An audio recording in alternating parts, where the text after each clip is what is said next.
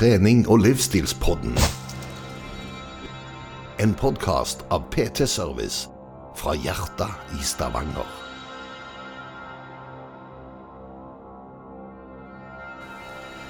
All right. Hei og velkommen til trening- og livsstilspodden med meg, Lloyd Georg Færvik og En som gleder seg til denne dagen her, som er Anders igjen. Eh, nå hadde vi jo en ypperlig anledning i går, eller er litt grann behind the scenes, men det var en del ting vi kunne gjort i går, spilling og litt sånn, men det ble ikke tid på det for, det for meg, for jeg holdt på med så mye annet i går, så da tenkte jeg faen heller Nei, søren heller. Eh, Jeg får, jeg får ta det i morgen, jeg heller komme på besøk da, og så må vi kose oss litt sammen i dag, da. Ja, vi får rett og slett ta oss og velge en, en litt annen dag på se, se om, det, om det passer bedre i dag. rett og slett. Nå er, nå er det jo torsdag. Vanligvis spiller, prøver vi å spille en mandag til tirsdag. Litt av sånn, Vi kan jo ta den der schedule vår, da, sånn at vi forklarer litt hvordan det å lage podkast er. For det, det er jo ikke alle som vet hvor lite arbeid Eh, Jeg har jo en eh, evne til å lage arbeid ut av det meste. Eh, Og spesielt det å lage podkast har jeg jo gjort til en, eh, et livsverk. Eh, For, for folk flest er det jo en, eh, en prosess som ikke burde ta så mye tid. Men eh, nå har jeg iallfall vært syk denne uka her, eh, og vanligvis bruker jeg jo fire dager på å gjøre klart en pod til den skal legges ut. Men den her skal legges ut senere i dag, altså på torsdag, eh, og så skal den legges ut på fredagsmorgen. Så jeg har jo egentlig ganske dårlig tid. Men eh, sånn som jeg har gjort det, da, det er det at eh, først så må jeg jo, legge, må jeg jo koble opp studio. eh, og det er det jo alltid et eller annet teknisk feil med. Det er egentlig litt rart, det der, for vi, vi, vi klarer å få til en eller annen teknisk feil som egentlig ikke er mulig. Ja, Så i dag, i, i dag eh, satte vi ny verdensrekord i feil, faktisk. Og det er litt imponerende, fordi dette er jo gjerne ikke det en skal snakke om. Da. Vi skal ikke snakke om problemer, sånn sett, men, eh, men det er jo fascinerende, fordi i dag så viste det seg at det rett og slett var eh, noe feil med softwaren på mikrofonen. Eh, som da gjorde at den ikke fungerte helt som den skulle. Eh, og Dermed så er det å rigge til for å spille en podkast en to timer lang affære.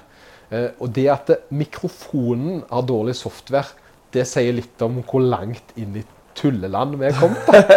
ja. For jeg har jo oppgradert mikrofonene. Ja. Eh, Jeg har jo da gjort det over til at vi har eh, det som kalles for en laviermikrofon. Um, og det er litt fordi eh, det som jeg sa sist, at vi prøver å gjøre, eh, gjøre denne podkasten litt mer uh, flyttbar. Eh, hvis jeg skal ha reiser til å ha gjester, eller vi skal gjøre litt sånn eh, on scene-greier, så må vi jo ha et system som ikke innebærer at vi kobler opp noen digre mikrofoner. Og Samtidig så har vi jo vært litt dårlige å snakke i de, disse mikrofonene. Det å holde rett avstand, sånn at lyden ikke blir høy og lav, det er ting som er vanskelig.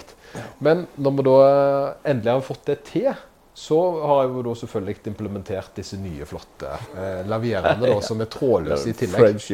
Fordi trådløst det er jo en ting som alltid fungerer. Ja. Eh, men, eh, men nå, nå er vi i gang. Nå, Jeg, tror- jeg tror det, det handler ikke om problemer, Det, det, det handler om løsninger. Fant vi løsning igjen. Hakket smartere denne gangen her. Så kjører vi bare på. Ja, for jeg, jeg tror det er litt viktig det å alltid ville utvikle seg. Og, og det er jo det jeg gjerne litt jeg gjør. da. Det at jeg, Hvis jeg finner en ting jeg bryr meg om, så, så går jeg jo inn i, inn i det og prøver å bli smartere på det. Og, og jeg har jo ingen altså I mange situasjoner så, så begynner jo jeg med ting som jeg ikke kjenner noen andre som holder på med.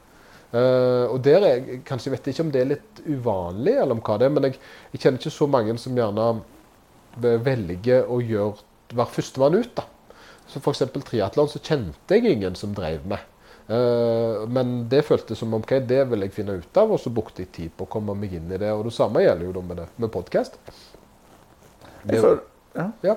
Nei, jeg føler det handler om altså, de- de som ønsker livsstilsendring, og de som ønsker uh, altså, fremgang på trening òg, eller trening i det hele tatt. Det er på en måte de ikke nødvendigvis har et problem, men de har noe de ønsker å endre på, og så gjør de det. Altså På samme måte som vi holder på med PC her, tekniske greier og mikrofoner det ene og det andre.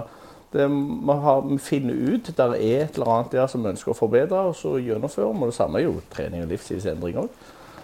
Ja, det, og det er jo nettopp det jeg ser. Jeg, hvis jeg skal Altså, jeg, jeg liker jo og jeg, egentlig å finne ut av det og finne løsninger. Men jeg tror ofte at det hadde vært mye enklere hvis jeg eh, hadde eh, hatt noen å spørre. da. Eh, altså, jeg hadde gjerne vært i et miljø der vi spilte inn podder, og det var tre-fire andre som gjorde det. Og Dermed så kunne vi fordelt problemene i litt større grad. Fordi når vi startet opp her, så, så begynte jo jeg med eh, med null erfaring på lyd og bilde. Eh, men det er jo interessene mine det å ta bilder eh, og filme. Det jo og dermed så har jo det vært en sånn naturlig overgang inn i det å lage live sending. For det er jo det vi gjør. Ja, ja, ja. Eh, Vi spiller inn, en, spiller inn en video her med lyd som skifter mens vi, mens vi snakker, sånn at vi kan legge det ut på de forskjellige kanalene. og Det er blitt egentlig ganske avansert, men jeg syns jo da det er veldig gøy. da. Men det starta jo bare med at jeg hadde lyst til å lage en podkast. Og snakke og henge med deg, da, for Ja. ikke sant? Det var jo det som var greia.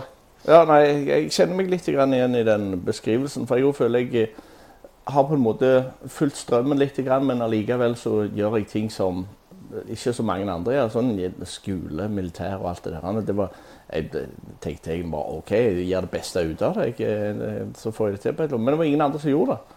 Altså, Nei, nei. Så den skolen jeg gikk på, jeg kjente jo ikke noen som gjorde det. Men får det jo kjekt for det om. Og det var på en måte, det handler litt om Jeg ønsker å følge mine egne interesser. Altså, kontra det mine venner som hadde litt eh, Altså utenom det som var mine interesser. De ble jækla flinke på det, men det, jeg tror ikke jeg kunne ha blitt flink i det på den, på den måten som de gjorde, pga. at de var mer interessert i det enn det jeg var. Og så tenkte jeg men jeg går bare en annen retning, jeg. Og så følger jeg mine egne interesser, og så ser vi om det blir noe ut av det. og jeg føler jo, sånn som vi har snakket om altså tidligere òg med trening, og, altså trivsel. Trivsel for meg er på en måte det som eh, egentlig har gjort at jeg vel, er der jeg er. Jeg følger strømmen mot trivsel. Jeg, jeg, ja, men jeg, jeg tror så definitivt du har rett i det. Og det, det, det er også på en måte Ja, bare eh, trives med noe reisen.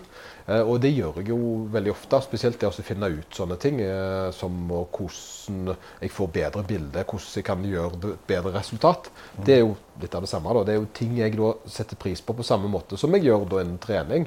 Det jeg ikke liker, er jo da når det er litt sånn urasjonelle feil som jeg ikke forstår, og gjerne kommer i en ubeleilig tid. Det er jo klart, det, det, det, det setter på en måte en sånn eh, frustrasjonsmoment, og det lager jo alltid tidspress. For er det noe vi alltid har for lite av, så er det tid. Eh, veldig bra. jeg likte det. det. Det er konge. Eh, og når jeg da ser på en måte Men det er sant, nå fikk vi løsningen på det, da, og det var heldigvis noe naturlig. da, Det var faktisk noe som var fysisk. eller Er det psykisk når det er software? Kan du si at det er psykisk galt med mobilen? Eh, ja, for hardwaren det er vel det fysiske. Ja, sant? Så, da, det er psykisk. Ja, så, ja, så det var noe psykisk galt med mikrofonen din, Anders. Ikke nå lenger. han er frisk, nå er frisk. Ja, men Jeg kjørte, vi kjørte diagnosering, og det ville jo det psykologtime, da. Og det var da faktisk en feil, og spurte om at vi ville ta oss og reparere feil. ja, takk. Det skulle vært, e- så enkelt skulle det vært ute i frisk luft òg, si. Det, eh, vi skulle gått til psykolog, fått en kabelplopp. Vil du fikse problemet ditt? Jepp. OK. Ser, ser vi det holistisk nok, så blir det jo egentlig litt sånn. Eh, har du et problem, så går du og fikser det, og så ser du på en måte veldig billedlig, men så er det alle følelsene og saken oppi det, da. Eh, men det var en vanvittig lang eh, innledning for, eh, for folk å høre på, tenker jeg. Hva skal vi snakke om? Ja, hva skal vi snakke om? Jo, jeg har egentlig masse spennende ting eh, jeg har. For det eh, Jeg har vært syk, eller jeg er syk. Jeg er frisk. Jeg er frisk. Jeg er ikke smittsom, men jeg er ikke 100 igjen ennå. Eh, jeg har da hatt en eh, runde med eh, influensa. En eller annen variant. Om det er årets variant, det er jeg usikker på. Om det, nå pleier jo folk, nå er det jo nesten hipt å si du har korona. Vet du det? Er det det? Ja, for nå jeg har korona, sier de. Det er ingen som tester det lenger.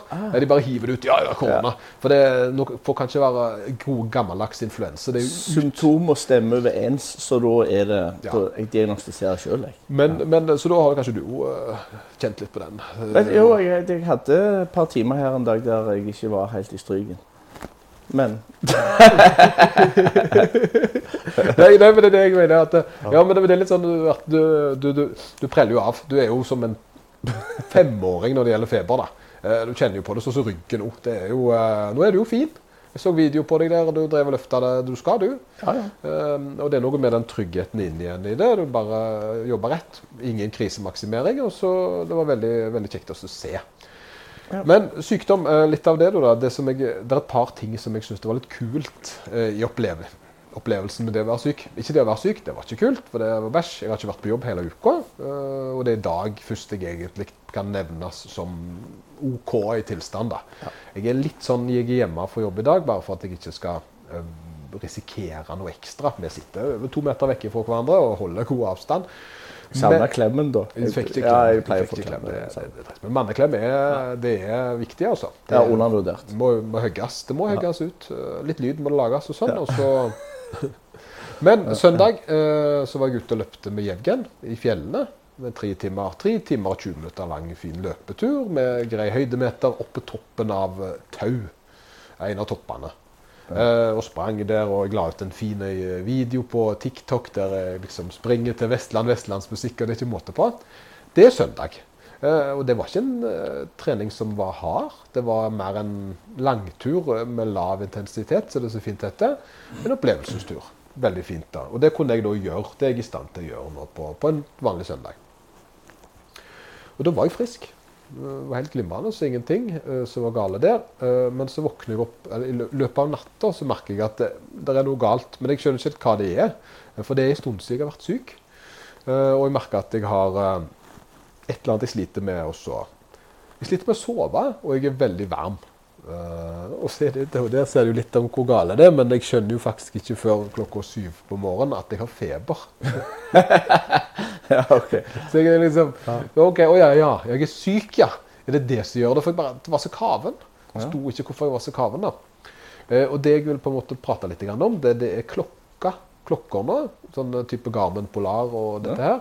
Og snakket tidligere om denne heart rate variables, at den måler på en måte hvor, hvor systematisk hjertet ditt slår. da. Og jo mer uh, rutinepreg, jo mer marsjerende takt det er på hjerteslagene, jo, uh, jo mer stressa er du. Uh, og det måler jo nye klokker. Um, og så er det jo det da at jeg får da hver morgen presentert en rapport på hvordan søvnen min har vært, og, meg, og hvordan klokka antyder at formen min er. For eksempel da, Hvis jeg da har trent hardt dagen før, så sier han gjerne at du fortsatt bærer preg av slit ved å teste hjertet mitt. Eh, da for puls og stress. eh? De, variasjonene i forhold til da, og hvor dypt jeg har sovet. Så gir han en rapport, og så sier han du er jo godt uthvilt, du er klar for aktivitet, og du kan toppe formen, f.eks. Og, og det kan jeg bruke mot konkurranser og sånt. Um, så det syns jeg er ganske stilig. Uh, men nå ga han jo da rapport om at jeg var syk. Uh, og det er litt kult, for det han sier, han sier ikke at jeg er syk, han sier at jeg har null treningsevne. Én av hundre. Og det har jeg bare hatt etter jeg har hatt ekstremløp type ultra. har jeg fått beskjed om at jeg er én av hundre. Og jeg har òg sovet ekstremt dårlig ifølge klokka. Sovet to og en halv time med, altså med, med søvn i forhold til åtte-ni som jeg da pleier å ha. Uh, og, og det føler jeg, og jeg, det, Den som klokka har jo oppfattet at jeg er syk. Eh, og det som er litt viktig her, det er at jeg vet jo det, at det er en fare for at en blir uh, påvirka av det klokka sier.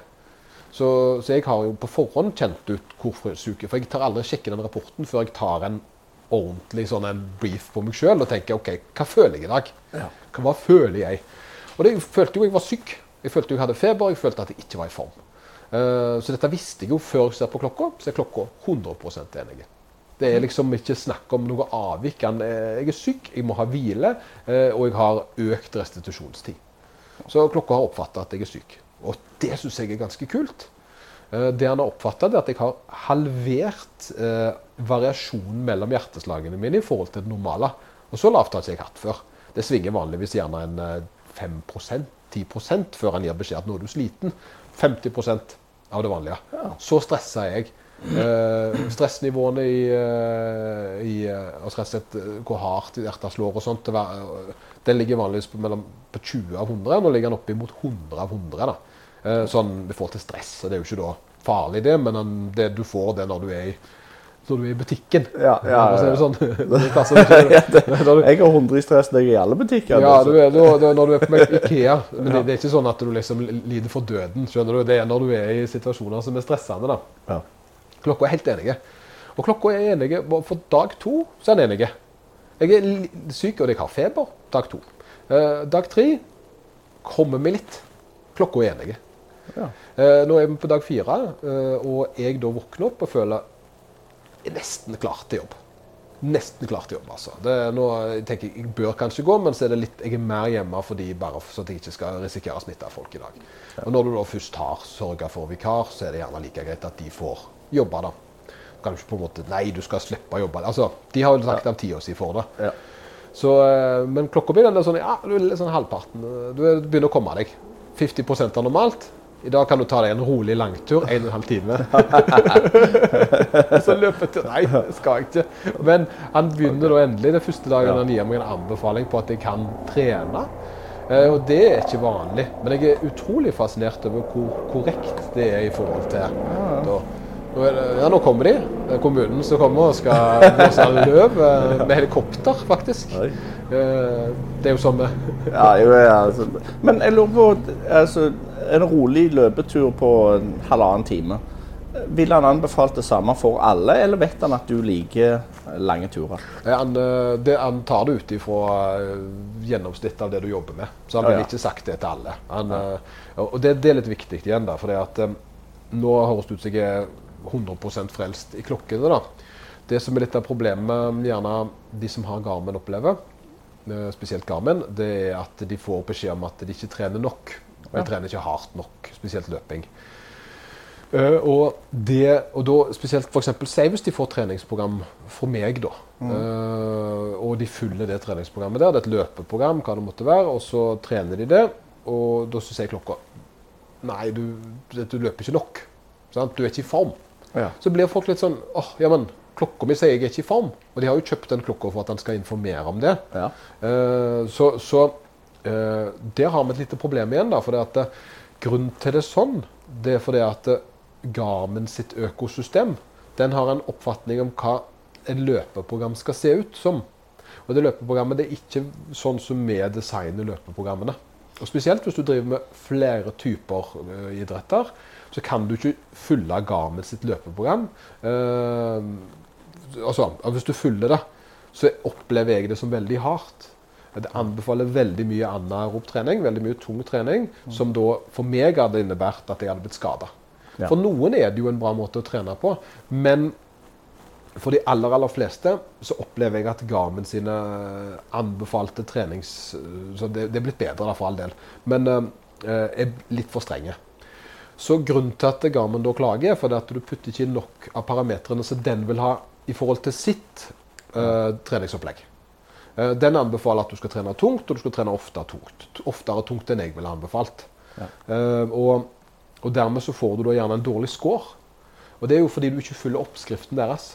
Og det er litt sånn, Hvis du da eh, skal lage ei kake, men ikke følger oppskrifta eh, til noen som liker kaka på en spesiell måte, så blir ikke resultatet likt.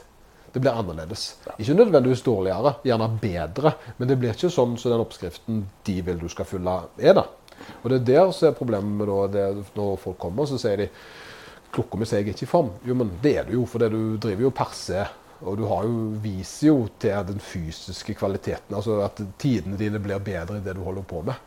Eh, Men i, sant, det handler jo da om treningssammenheng. Så Garmin er ikke en god eh, indikator på om Så lenge du ikke følger opplegget, vel å merke. Altså ikke det er en god eh, forklaring på hvorfor du eh, ikke er i form, da. Men da disse her nye varia variasjonene, det, det hjertet og alt dette her, er jo da tydeligvis veldig eh, korrekt. Ja. Og det syns jeg er ganske kult. Jeg tenker, må jo, altså, jeg syns det er greier at klokka er sånn, altså det, den veien der, at han sier at eh, nei, i dag må du trene mer. Jeg tror det er bedre det enn han gir beskjed om at nei, nå er det nok, du, nå kan du slappe av. Det, nå prøver han jo på en måte å motivere deg til å gjøre litt grann mer kontra litt grann mindre. Så sånn sett så tenker jeg det må jo være positivt å ha ei klokke som prøver å pushe deg litt. Grann. Jo, ja. Du er trenger ikke å gjøre alt som står der. altså, Følg programmet ditt hvis du har et program, men Jo, jo, jeg er enig at jo, for han er jo positiv. Han gir jo beskjed sånn eh, Gå og grip dagen, sier han til meg i dag. sant? Eh, Det var ikke måte på hvor, eh, hvor bra det var, dette greiene her. Eh, og så eh, men, men problemet er Garmin er litt sånn De er litt slemme med feedbacken. så, så hvis du på en måte har eh, eh, Hvis du er topp eh, 20 da, så er det OK. Eh, dårlig kan du være, faktisk. Eh, dårlig form. Du, du, altså, de, de sier ikke mindre bra, de sier dårlig. ja, okay. Eh, skjønner du? Og, når Ja, du, dårlig vil det beskrives gjerne Ikke når du er i dårlig form, sånn som vi vil definere det som, men dårlig form med seks av ti. Ja, Eh, ok. Så jeg syns de har en veldig aggressiv, en aggressiv eh, sånn en, måte å legge det ut på. Og så når de da på en måte, jeg føler de, jeg føler de er blitt bedre, altså, men de oppfor, jeg, jeg synes de, det virker som om de er blitt bedre kjent med meg. Og spesielt etter denne hjertegreiene, så kommer de med bedre anbefalinger. F.eks. når jeg skulle løpe den løpeturen i fjellet, så fikk jeg da beskjed om at uh, det var bra også. I dag anbefalte de en god løpetur på et par, to, mellom to og tre timer. Ja. Så de, de, han visste jo at jeg skulle ha langtur. Uh, for det gjør jeg jo på søndagene. Ja. Jeg visste jo ikke jeg skulle i fjellet, men det er jo da noe annet. da. Ja, Teknologien går jo framover òg, dette her kommer jo bare til å bli bedre og bedre. Men fins det noen, altså noen alternativ til Garmin, eller er det liksom det da shit? Ja, det er, altså, men jeg tror det handler litt om økosystem. Det blir litt sånn som iPhone og Android. eh, og jeg, jeg har ikke noe imot Android, i det, nei, iPhone i det hele tatt. Jeg. Eh, men jeg, jeg, jeg har alltid vært en Android-mann, eh, så jeg vet hvordan det systemet fungerer, og jeg er fornøyd med det. Så, så jeg, synes på en måte ikke en Så for meg da å gå over til noe som jeg ikke er vant med, ville vært utrolig frustre- frustrerende. da. Ja. Fordi det, det er da det er inn. det er ikke bare det at jeg skal lære meg noe nytt, for det kan jeg jo. Men problemet er gjerne at jeg har investert mye penger i mye apper. Uh, og mye tid i å bli god i visse apper som gjerne ikke fins på iPhone. Uh, og da at jeg kan ikke overføre lisensene mellom. At de da kjøper det på nytt igjen. Det er jo litt sånn. Sant? For jeg, Ja. Litt av og til litt sånn nysgjerrig. Det hadde vært gøy å prøve. Men da kjøpte jeg, jeg faktisk bestilt med den nye Google Pixel Pro. Telefonen? Ja, ny telefon. Ah, For jeg er så misfornøyd med Samsung om dagen. Også. Oh, ja. Han er skikkelig uh, dårlig. Og det, jeg har jo S22 Ultra, men jeg kan ikke filme med han. For det hakker sånn. Eh, og du ville trodd at det var noe som Altså, han skal ikke være sånn. Det er et eller annet galt med denne. Og det skjer av og til. Det andre gangen jeg får en mandagsmodell.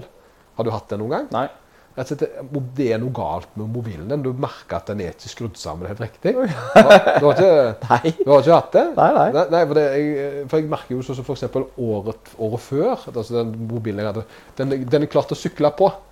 Men altså, jeg klarte å miste under hjulet mitt mens jeg sykla. Ja. Det husker du? Og trynet og alt det greiene der. Ja. Den var ikke sånn.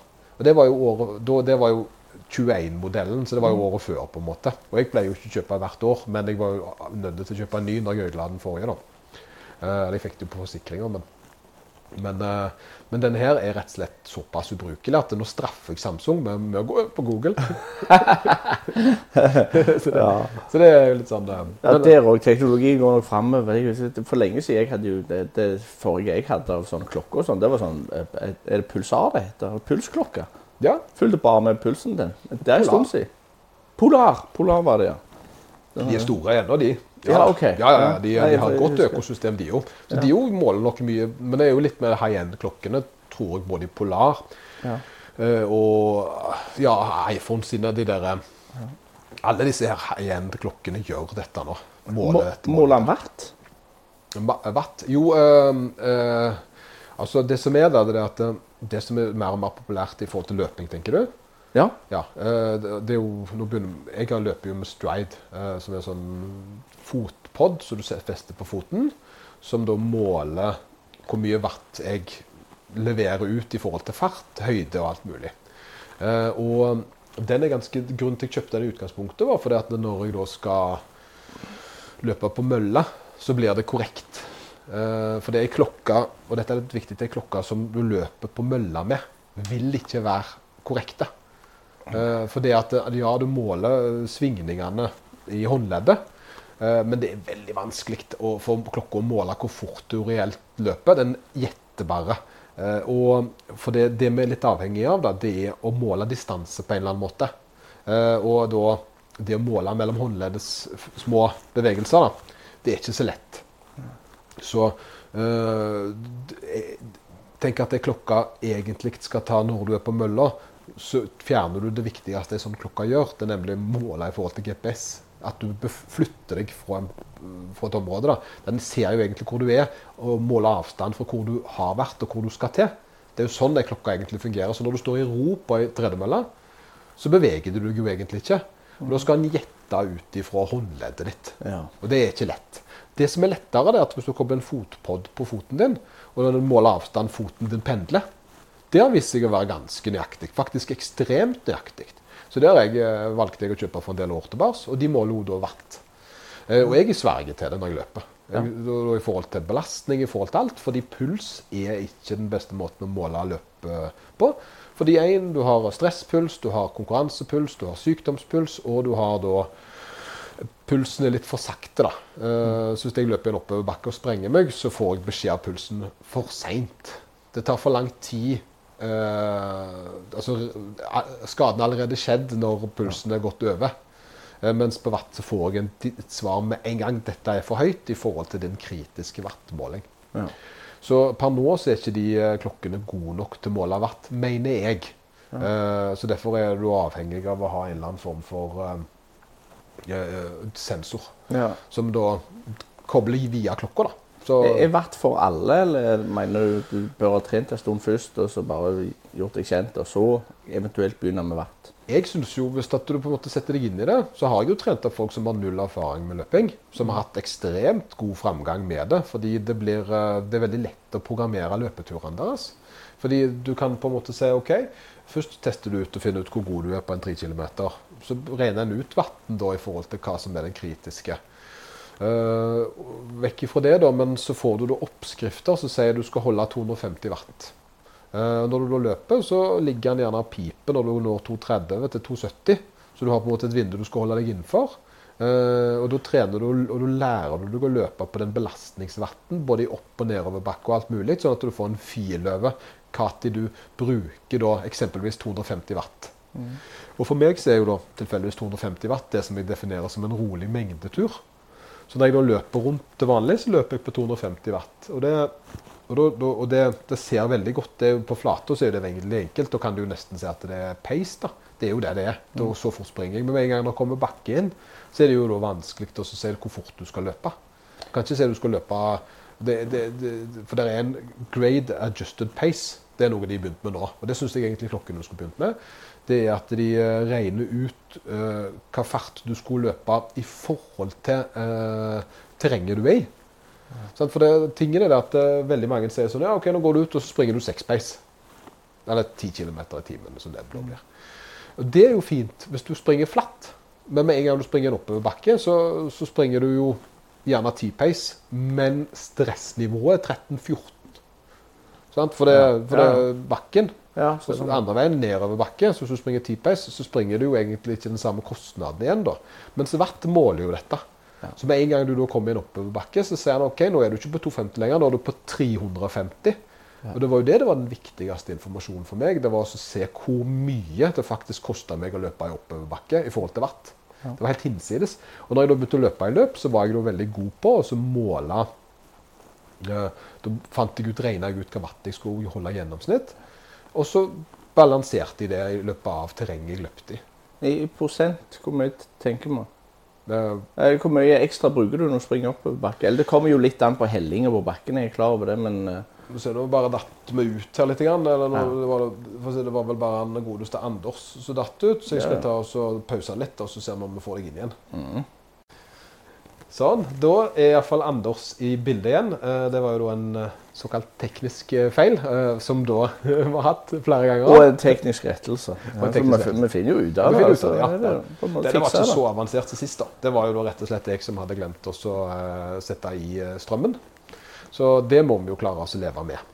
Ja, jo, jo, men det, men det er det vi gjør. Vi, vi finner et problem, så dveler vi ikke så mye med problemet. Finner løsninger, kjører på, og så er vi her igjen.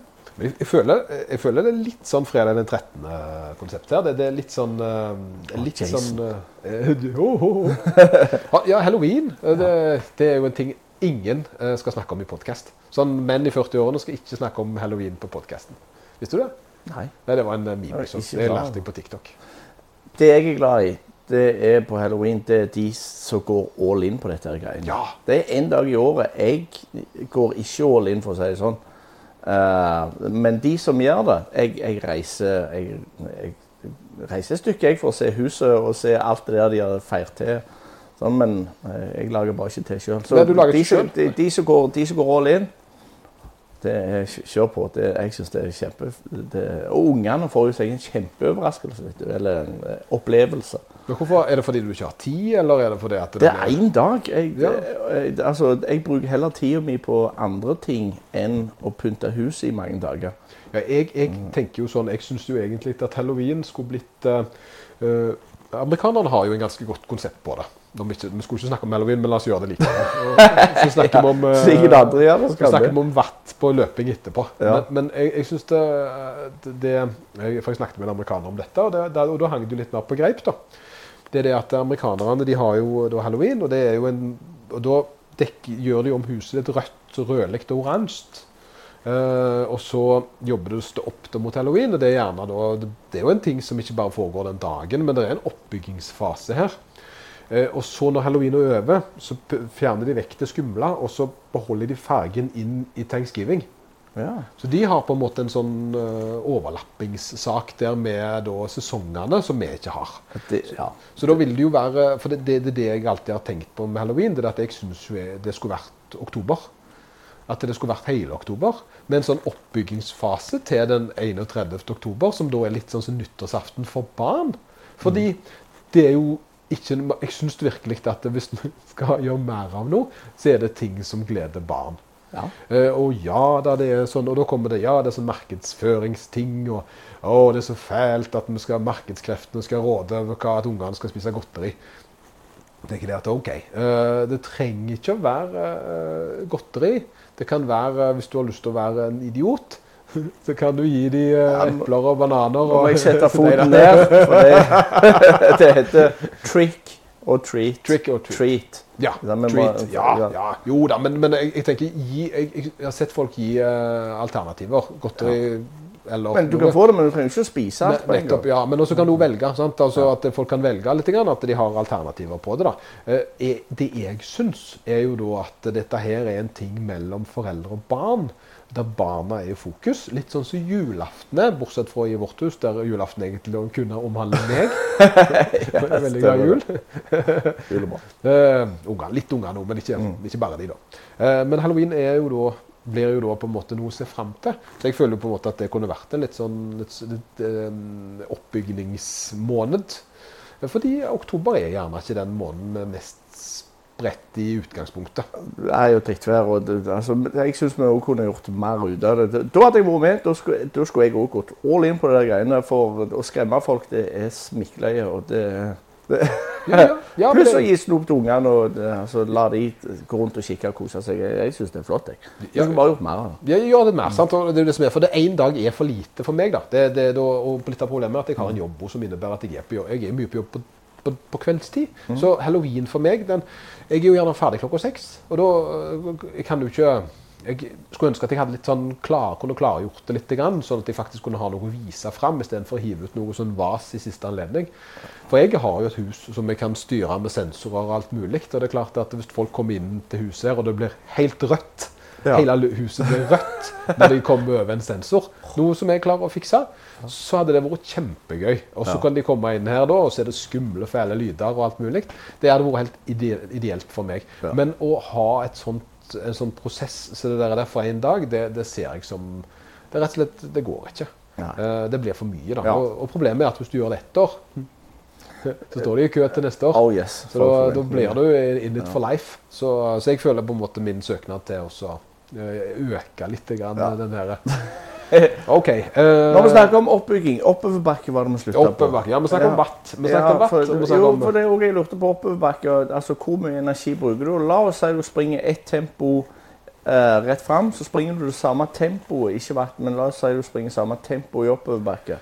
Og så kommer en nedoverbakke, like lang, samme hellingen. Klarer du i løpet av nedoverbakken å hente deg inn igjen da? det, det, som, øh, det er et veldig godt spørsmål. men det som jeg ikke kan gi her, er uh, konkret, øh, en konkret svar. Jeg kan ikke gi et matematisk svar på det der. der. Men det jeg kan gi, det er øh, det som overrasker meg mest med å løpe med watt. Det er det at watt gir respons med en gang. Så hvis du da skal løpe si, i et løp 350 watt, da, som jeg da hadde på et løp for noen år tilbake, så løpte jeg det, og, og når da med en gang bakken kom, så eh, justering ned til 350 i oppoverbakken. Og det er så overraskende mye saktere enn en ville tro. Fordi med en gang du øker graden oppover, hellingen da, så blir vanskelighetsgraden veldig fort høyere. Sånn at det, det skal ikke mange gradene til før at du sprekker hvis du holder samme farten. Eh, og det er det da, Hvis du springer en par hundre meter i konkurransefart i oppoverbakke, så har du kanskje ødelagt løpet ditt. Eh, så du er nødt til å justere ned for å klare å ikke få da, at pulsen da kommer såpass høyt at du ender i en anaerob fase, der du da eh, kommer i oksygengjeld. Eh, så om du da klarer å hente deg inn igjen i nedoverbakken, det innebærer jo hvor lang den er, og hvor sakte du løper. Men for de aller, aller fleste så er det veldig negativt det å måtte justere seg unna så langt unna den farten de ønsker å holde, fordi de skal hente seg inn igjen etter de har sprukket, at det kan oppleves som et nederlag. Og når en da klarer å løpe på en sånn måte at den konstant ligger rett under terskel, at den på en måte ligger så godt den klarer, uh, eller alt etter løpet, da, du kan ligge litt over terskelen hvis du løper kort nok, for all del. Uh, men hvis du klarer å ligge liksom, balansere hårfint på det du maksimalt klarer å yte til enhver tid, ved å justere farten i forhold til vanskelighetsgraden i hellinga, så vil du ha et mye mer optimalt løp. Ja. Uh, og Det som overrasker meg, da, det er at, du, uh, at hvor fort du egentlig kan løpe en nedoverbakke for, i forhold til kostnaden på watt. Da handler det mer om en teknisk ferdighet enn en oksygenferdighet. De aller, aller fleste ikke, får, ikke mak, altså, får ikke makspuls fordi de, når de løper nedoverbakke fordi de løper så fort. De får det fordi de er livredde eh, og det er der jeg gjerne sliter veldig i forhold til terreng. Det er jo da at jeg er ikke god å løpe teknisk nedover. Så, så da på en måte i disse trailene her så, så har det vært en sånn frustrasjon fordi jeg er sterk nok og forstår farten jeg bør ha oppover, så jeg klarer å holde det greit. Og klarer å holde OK konkurrenter oppover. Med en gang det er nedover, så er jeg ikke teknisk god nok til å holde følge. Så da taper jeg, taper jeg tid, da. Så det er da en teknisk sak. I, det flyttes litt ut ifra den uh, det å være i god form, for det er en øvelse. Ja. Jeg vil tilbake litt til dette med sykdom og restituering. For det jeg lurte på, var egentlig når du eh, er du er ferdig å trene, du har hatt et hardt løp eller en eh, hard treningsøkt. Da skal kroppen restituere, skal komme tilbake igjen. Er du da mer mottakelig for sykdom enn hvis du ikke har trent? Ja, den er litt sånn, for det, det var det jeg lurte litt på når jeg da løpte den trailen på søndag, og så våkna opp med feber på mandag. Kan vi da tenke at det var fordi jeg løpte eh, på, mandag, på søndagen?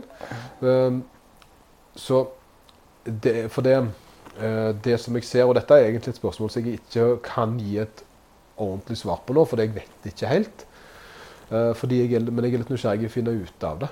Uh, og, det, og det, det, som jeg lurer på da, det er For en får alltid beskjed om uh, at du ikke skal trene når du er syk. Det er jo en sånn regel. Men jeg opplever det at når jeg er syk, så vil jeg ikke trene. Ja. det, orker ikke, jeg orker ikke trene. Altså, det, det, det, er ingenting altså, Den, den 25 minutts gåturen til Kiwi på mandag jeg hadde for å kjøpe meg en pose popkorn, den var tyngre enn den trailturen jeg hadde dagen før på tre timer. Ja. og, og det er jo fordi kroppen er en annen plass. Han er å gjøre andre ting. Så jeg tenker klarer meg Det skal godt gjøres sånn hvis en bruker litt fornuft og overgår kroppens balanse her, da. Kroppen sier ifra uh, veldig godt om, eh, om, det er en god idé eller ikke. Eh, han er, han, men regelen er gjerne det at en ikke bør trene når en har feber. Uh, feber er en tydelig, uh, en tydelig eh, indikasjon på at du har en eller annen form for infeksjon. Det er vel egentlig kroppen som prøver å fikse opp sjøl. Ja, det er det som er grunnen til feberen. Sette opp temperaturen for at immunforsvaret skal fungere bedre og bakterier og virus skal fungere dårligere. Ja, det er jo derfor. Og når i den prosessen der, da, så, så er det såpass alvorlig at kroppen bør få lov å fokusere litt på det. Men så føler jeg da i andre enden at kroppen gjerne faktisk er såpass teknisk god at han sier ifra. da, Så sier han nå tar vi oss ned nedprioritere evnen din til å være aktiv fram til dette er i orden. Og det er ikke før i dag jeg kjenner at jeg faktisk er noenlunde i stand til å gjøre noe som helst. Det blir ikke mye eh, aktivitet i dag heller, men, eh, men eh, jeg tror det at hvis jeg er litt forkjøla sånn, så løper jeg. Mm. Men jeg holder det litt lavere. Men, men, når en har type infeksjon eller feber i kroppen, så, så tror jeg at kroppen er, er, veldig god på å fortelle at du ikke skal gjøre det. Om det da er farlig? Uh, ja, det burde det være. Ellers hadde du ikke fått noe som helst indikasjon på at du var syk. Mm. Hvis du ikke føler deg i dårligere allmenntilstand, tenker jeg, så um, hvorfor skulle det da være galt å presse seg? Ja. Det er jo det kroppen viser jo så tydelig at du er ikke i stand ja. til å gjøre noe akkurat nå. Ja, jo, jo, men så er det jo litt hva, hva har du tenkt å hente ut av det? Det er på en måte, For det ble jo ikke en veldig god treningsøkt, antar jeg. Nei, det ble jo den avsjekkingsgreia for å holde snap-scoren. sant? ja. Det er jo litt med den treninga, at ja, du kan jo gjerne øve altså Noen treningsøkter er jo å øve på en eller annen form for bevegelse. Jeg er pinnstiv når jeg er syk. Jeg er jo pinnstiv uansett, men, men jeg er da veldig stiv i kroppen, vond i ledd og sånn. Det er jo et tegn på at jeg gjerne ikke bør gjøre for mye akrobatiske eventyr. Og så er det jo det da, ok, Hva er effekten her, hvis du klarer å gyte 40-50% da? Den har egentlig veldig lite han skulle ha sagt, i forhold til um, framtidig resultat. Mm. Alle treningsøktene dine bør jo egentlig være uh, lagt opp på at han skal gjøre neste økt bedre. Det er en øving til neste økt. Det er veldig få økter uh, du skal gjøre som egentlig handler om at det er ditt livs viktigste treningsøkt. Mm. Det er jo uh, gjerne ikke en sånn tankegang en skal ha. En skal ha det at hver økt skal være en eller annen øving for at neste økt skal bli bedre enn denne, tenker jeg. Og da, og da, og da er det akkurat nå så er det veldig lite å hente i forhold til neste økt. Ja, ja. det er jo det. Ja, det var det. Ja, uh, ja, jeg kjenner jo det òg. Det er en stund siden jeg var syk, men det, var, det, det, er lite å hente. Okay, når jeg var ikke, da, på måte sengeliggende så ikke, å, Nå har jeg lyst på en treningsøkt. Liksom, uh, nei, og du, tåler liksom Det er ikke noe negativt med å være vekke fra jobb i, nei, vekke fra trening i uka. Uh, hvis kroppen har talt med det. det. Det tar ikke lang tid å hente deg inn igjen til, til hver, hvermannsen. Da. Altså du, at du klarer å komme inn igjen til en vanlig uh, fungerende kapasitet. Det tar ikke lang tid. Så en, så en, en, har fort glemt, fort glemt denne uka med sykdom. Mm. Men en klarer jo gjerne, hvis en prøver, eh, å forlenge den uka med sykdom til to uker hvis en presser seg for mye. da. Ja. Og, det, og, det, er jo unødvendig, tenker jeg, for da er det jo lengre til en kommer inn i treninga igjen. Mm. Så, så, jeg tror det at bare en lar tillate kroppen å gjøre det en skal, og så prøver en å gjøre det en må, eh, fram til en føler og så gradvis å jobbe seg opp til en normal stand igjen, så, så er dette fæla glemt. Og imens så prøver en å gjøre det beste ut av det. Som å spille podcaster og se på TikTok. Og, ja, ja, ja. Se på TikTok. Le litt. Kose seg. ja, sant. Men en liten, sånn, en, en liten ting vi skulle snakke om, det var jo dette her med ja, nå er det jo kommet en uh, det er jo litt, Vi snakket om Sisto, men det er med aviser. da, uh, og, de, og det, hvordan, de leser, hvordan de skriver opp eh, Hvordan de lager titler i forhold til Den har jeg fått tilsendt et par Clickbait. ganger. Ja, ja. Den har jeg fått tilsendt et par ganger. og mm. Dette er en sånn klassisk overskrift som jeg får fnatt av. da. Og Det dreier seg om at det ikke er nødvendig å trene lenger, bare at han piller. da. ja. Det er jo det som er greia. og det er jo da at det er Eh, medisiner som de holder på å lage, som har vist seg i studier, eh, har eh, veldig bra effekt for fettreduksjon uten aktivitet. Ja. og uten at det rett og slett at det blir at, det er, at du får økt treningseffekt. At han, måten den her fungerer på, er at den, kobler seg til den, den antagonist som kobler seg til reseptorer og får kroppen til å gjøre, gjør endringer i hormonene sine, sånn som jeg forstår det. da. Dette er et, way over my pay grade, for å si det sånn. okay. Eh, men, men, det er litt sånn som med, med smertestillende, da, som sender signaler til at kroppen skal gjøre et eller annet. Eller en eller annen mm. form for medisin har en eller annen, gir kroppen en eller annen eh, evne. Ja. Den øker fokuset på et eller annet. Og dette gjør da at du får eh, bedre, at du blir bedre trent uten å være aktiv, sånn i teorien. Uh, som da uh, Og litt av problemet, det høres jo veldig fantastisk ut. Mm. Det er jo det som er greia. Du skal slippe å trene, da, på en måte. Det er jo det som er, som er overskriften her. Men, men sant, så leser jeg liksom igjennom, da går vi inn til denne overskriften og så leser vi, og så, og så får vi OK. Eh, hva er det, hva er det vi, vi har eh, vi, leser? Jo, de har funnet noe som fungerer veldig godt på, på, på rotter. De er kommet så langt. Ja. Uh, og det, ja, det fungerer da i forhold til at den, de har testa at de har en eller annen form for prosenteffekt på det vi ønsker. Og så skal de da gå videre i disse studiene og opp til mennesker på et eller annet tidspunkt. Og så skal de da vise seg her at dette, er, uh, dette kan være, en eff, være effektivt for nettopp det, da. Og, og, og litt av problemet her er at dette høres jo helt fantastisk ut. fordi at når det kommer som sånn, sånn nyhetsgreie, og det er jo det som er problemet mitt, da, det er det at når det kommer som sånn nyhetsgreie om at det, forskere har funnet løsningen på dette problemet, Ja. uh, så kan det godt være. Men sannheten er at de har jo allerede mange preparater som gjør akkurat dette her. Eh, og, med, og det heter steroider.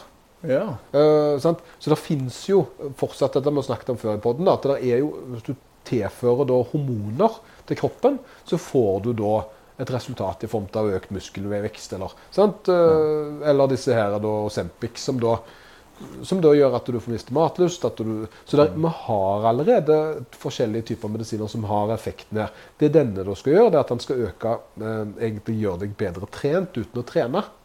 I tillegg. Ja. Så da har vi jo på en måte, så tanken her er jo kjempeenkel. da, Og her er jo da gjerne det er veldig lett å få folk ut av det. Det er det at ja, men så greit, for da kan vi ta en sånn, og så tar vi en sånn, og så tar vi en sånn.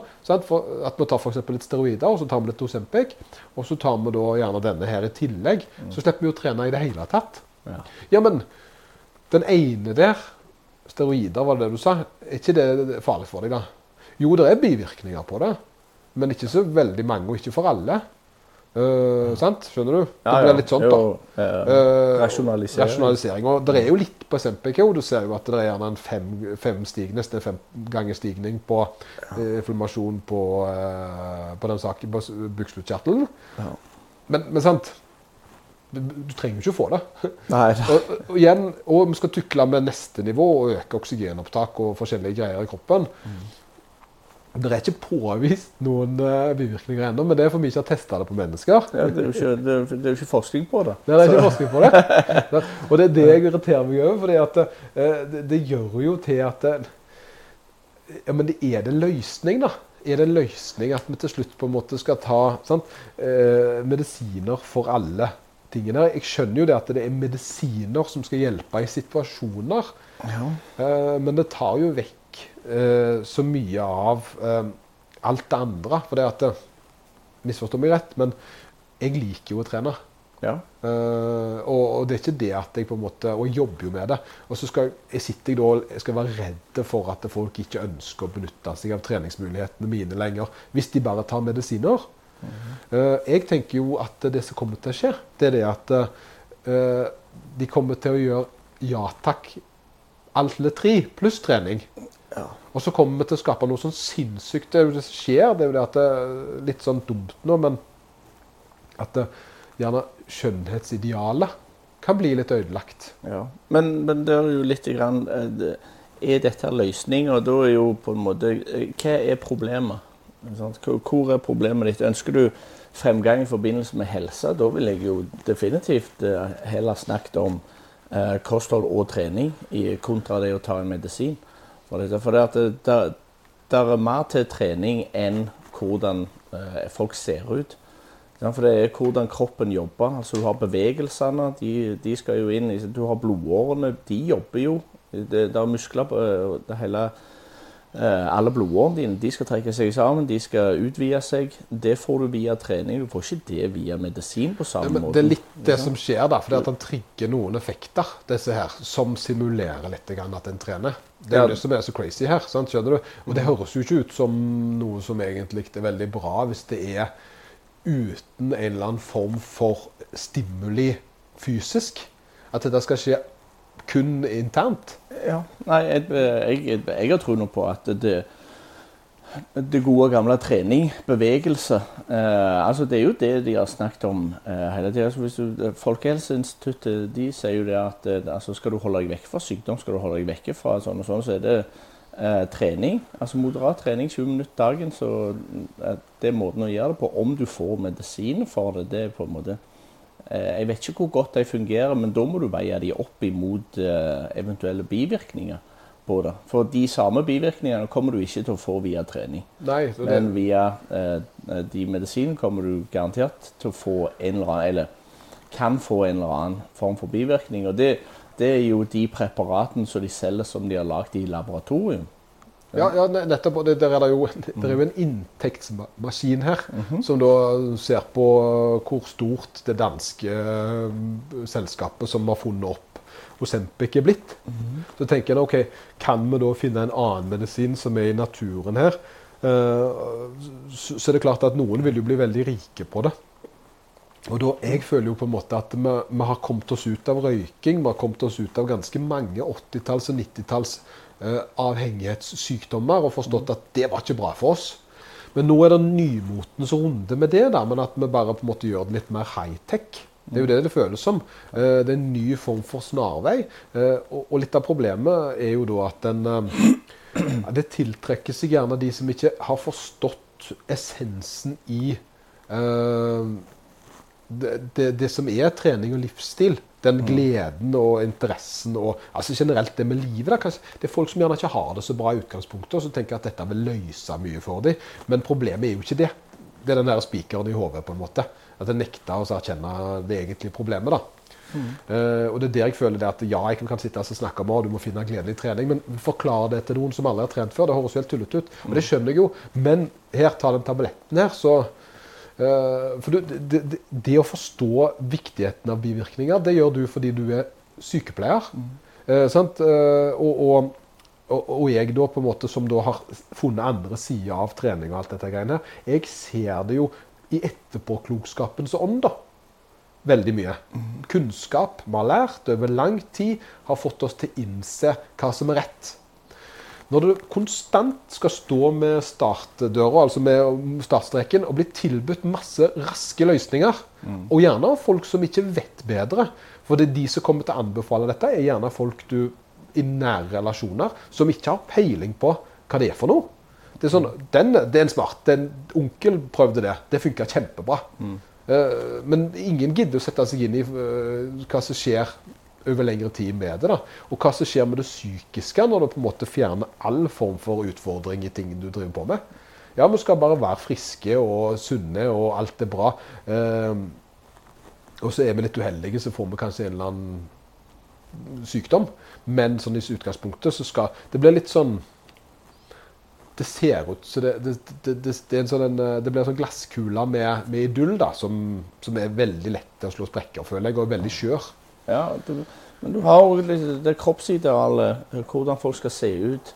Sånn, sånn, det er ikke eh, nødvendigvis synonymt med hvordan kroppen fungerer inni. For hvis du tilsetter masse forskjellige stoffer, eh, ikke nødvendigvis lagd i et eh, laboratorium, eh, så kan altså mye kan skje galt inni kroppen selv om du ser på en måte godt trent ut.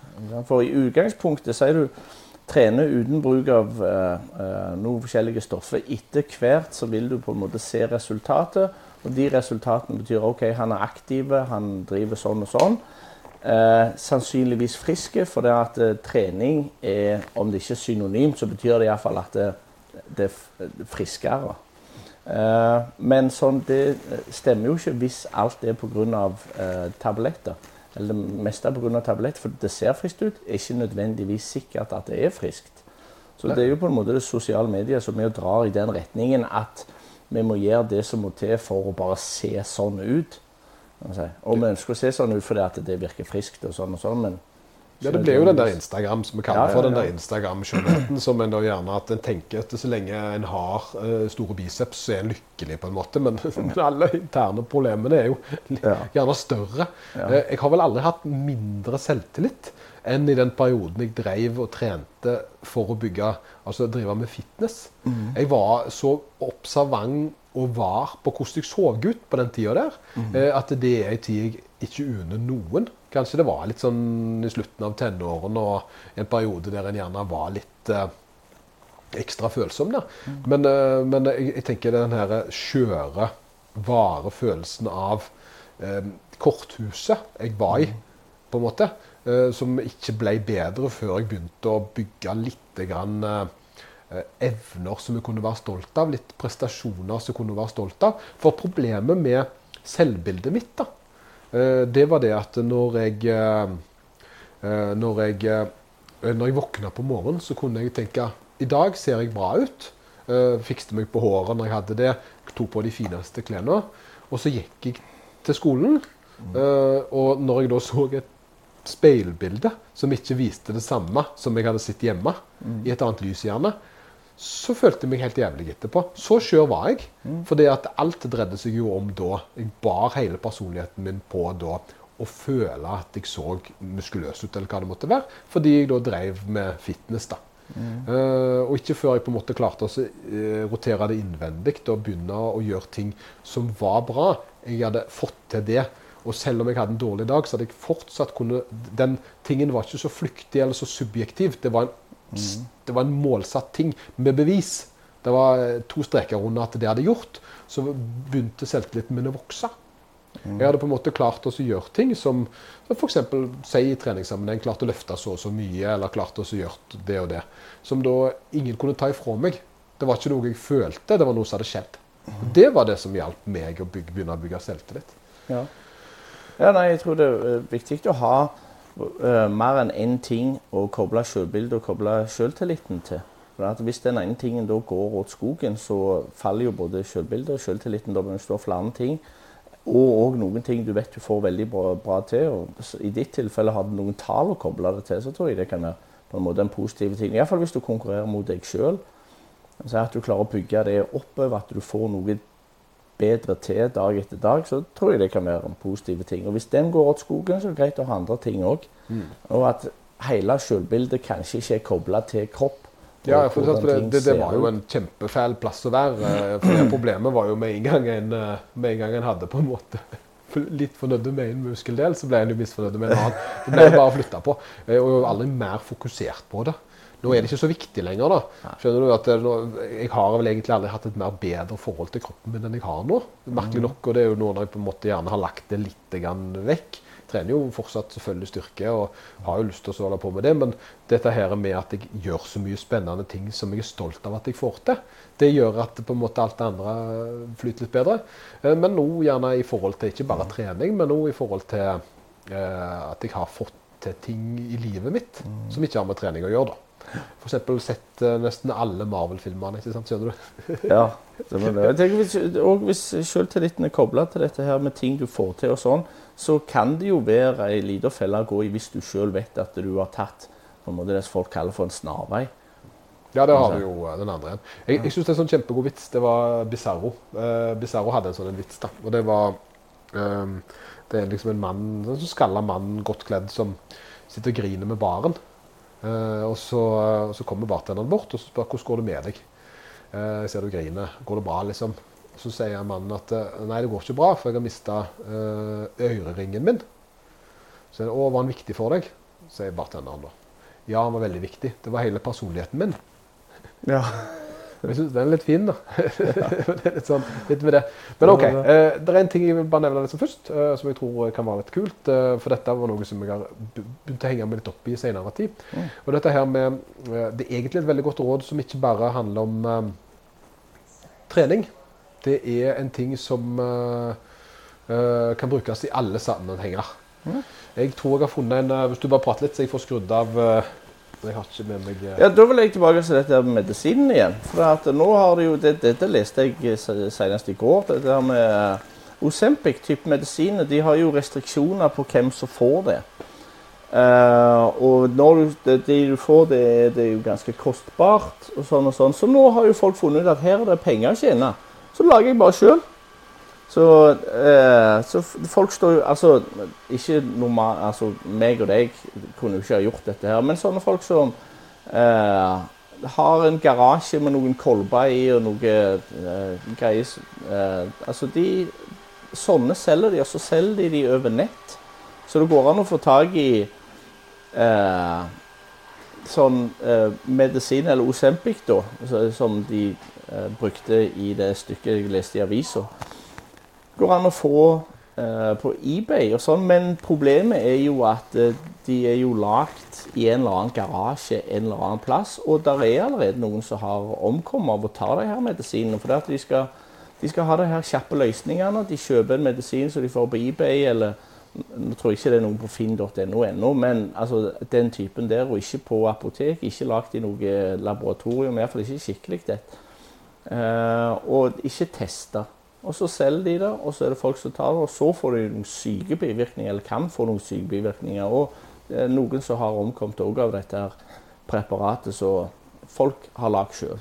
Det er jo helt Altså, det, det, det litt jeg sa innledningsvis. Men det du forteller her, er jo nettopp det som skjedde med da, eh, tidligere i Norge. Da, at Det viste seg jo at det var et digert under, eh, undergrunnsnettverk som lagde steroider i kjelleren. Mm. Det var, og det var i at det var i, beklager, i garasjen, for å ja. gjøre det mer spesifikt. Ja, ja. Det var en maskin som sto bare og spydde ut uh, det de hadde miksa pulver uh, sammen. Uh, og så sto det bare miksa i den der, og spytta det inn i en puller. Og så satt folk dette her uh, sjøl med sprøyter.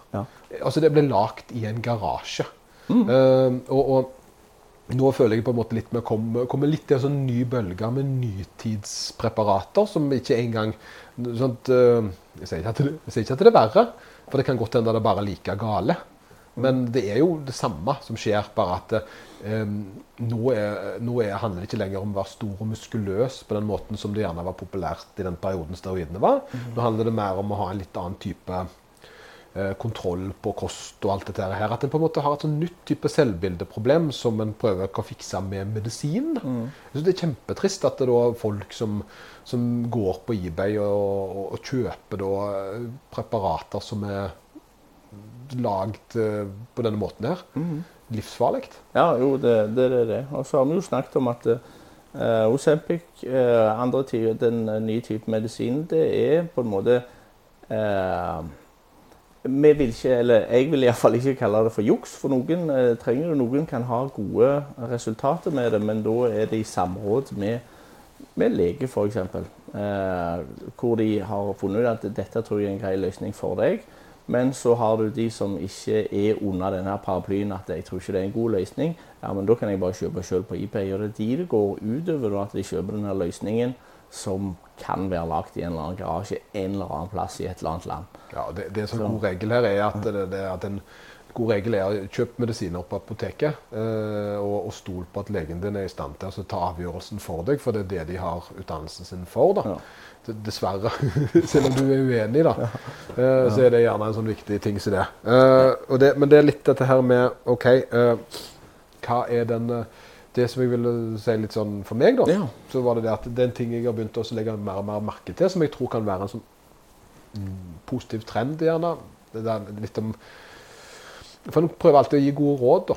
Mm. Gode råd i forhold til hva folk kan gjøre, hva som er gode, lette endringer. Uh, hva kan folk gjøre for å få bedre helse, bedre resultater, eller um, Altså, hva er det egentlig som er en sånn god, god forklaring som ikke er trening? Uh, og dette ser jeg mer og mer komme igjen nå. Det som jeg ser som gjerne er den største positive endringen folk kan gjøre med helsa si når de ikke tenker trening, det er uh, selvfølgelig kosthold. Men en veldig spesifikk ting i kostholden, det er å øke proteininntaket sitt. Ja. Uh, og det føler jeg er et så konkret tiltak som jeg ikke ser for ofte blir anbefalt. Men nå har jeg lest igjennom en del studier, og jeg fikk litt sånn Oi, hvorfor er ikke dette mer snakket om? Men hvis en ser det at en øker proteininntaket For standard anbefalt Gjerne veldig mange har et kosthold som har lav eh, prosentmessig eh, protein. At de ligger gjerne på rundt 15-20% av det totale eh, kaloriinntaket sitt på protein. Resten på karbohydrater og fett. Mm. Uh, så er det studier som viser hvis at du da har 35% protein. At du bare øker proteininntaket. Du gjør ikke andre endringer enn det. Så, og ikke begynne å trene heller, vel å merke. Så får du uh, gjerne reduksjon i vekt, uh, i vekt, men du får òg økt muskelmasse. Uh, og du får da med det bedre helse.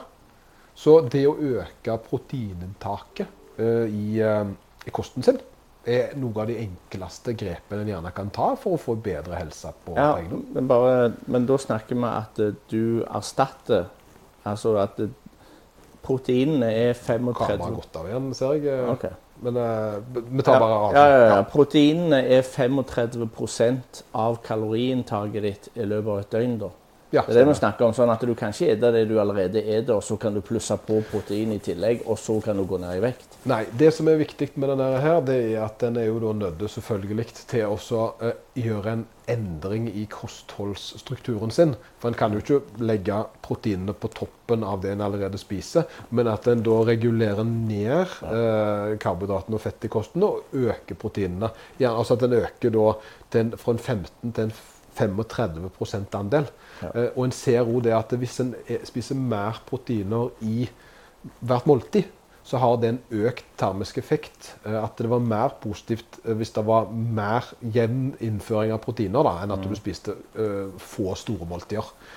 Så det er egentlig en av de få veldig sånn enkle grepene folk kan gjøre. Det er også da prøve å putte inn, og det trenger ikke være kjøtt. Det kan jo være ve eh, både vegansk protein, men at en prøver å øke proteininntaket eh, for å få et bedre resultat. Eh, Så enkelt. Det eneste du trenger å gjøre, altså, det er ikke, ikke å begynne å bevege seg. For de studiene ble gjort på folk som ikke trente. Ja. Så det er litt kult. Mm. Men Men jeg antar at det fungerer på de som trener òg. Ja, for disse trener, så er det jo nesten Ja, og når vi da tar eh, OK, da var det jo snakk om at du prøvde å så gå en prøve å komme inn forbi 1,2 gram protein eh, for eldre og, og Per kilo. Mm. per kilo, eh, per kilo kroppsvekt. Så at en på en måte prøver egentlig det også, selvfølgelig da på folk som trener de, Ja. i ungdom, så kan en bør ligge mellom 1,6 og 2. Det er liksom Ja. det studiene viser der, da. Skal vi si takk for i dag, Oh, yes. Anders? Takk for i dag. Takk for i dag, Ja. Anders. Mm. Takk for i dag. Oh yeah. Ha det bra. Ha det godt. Oh yeah.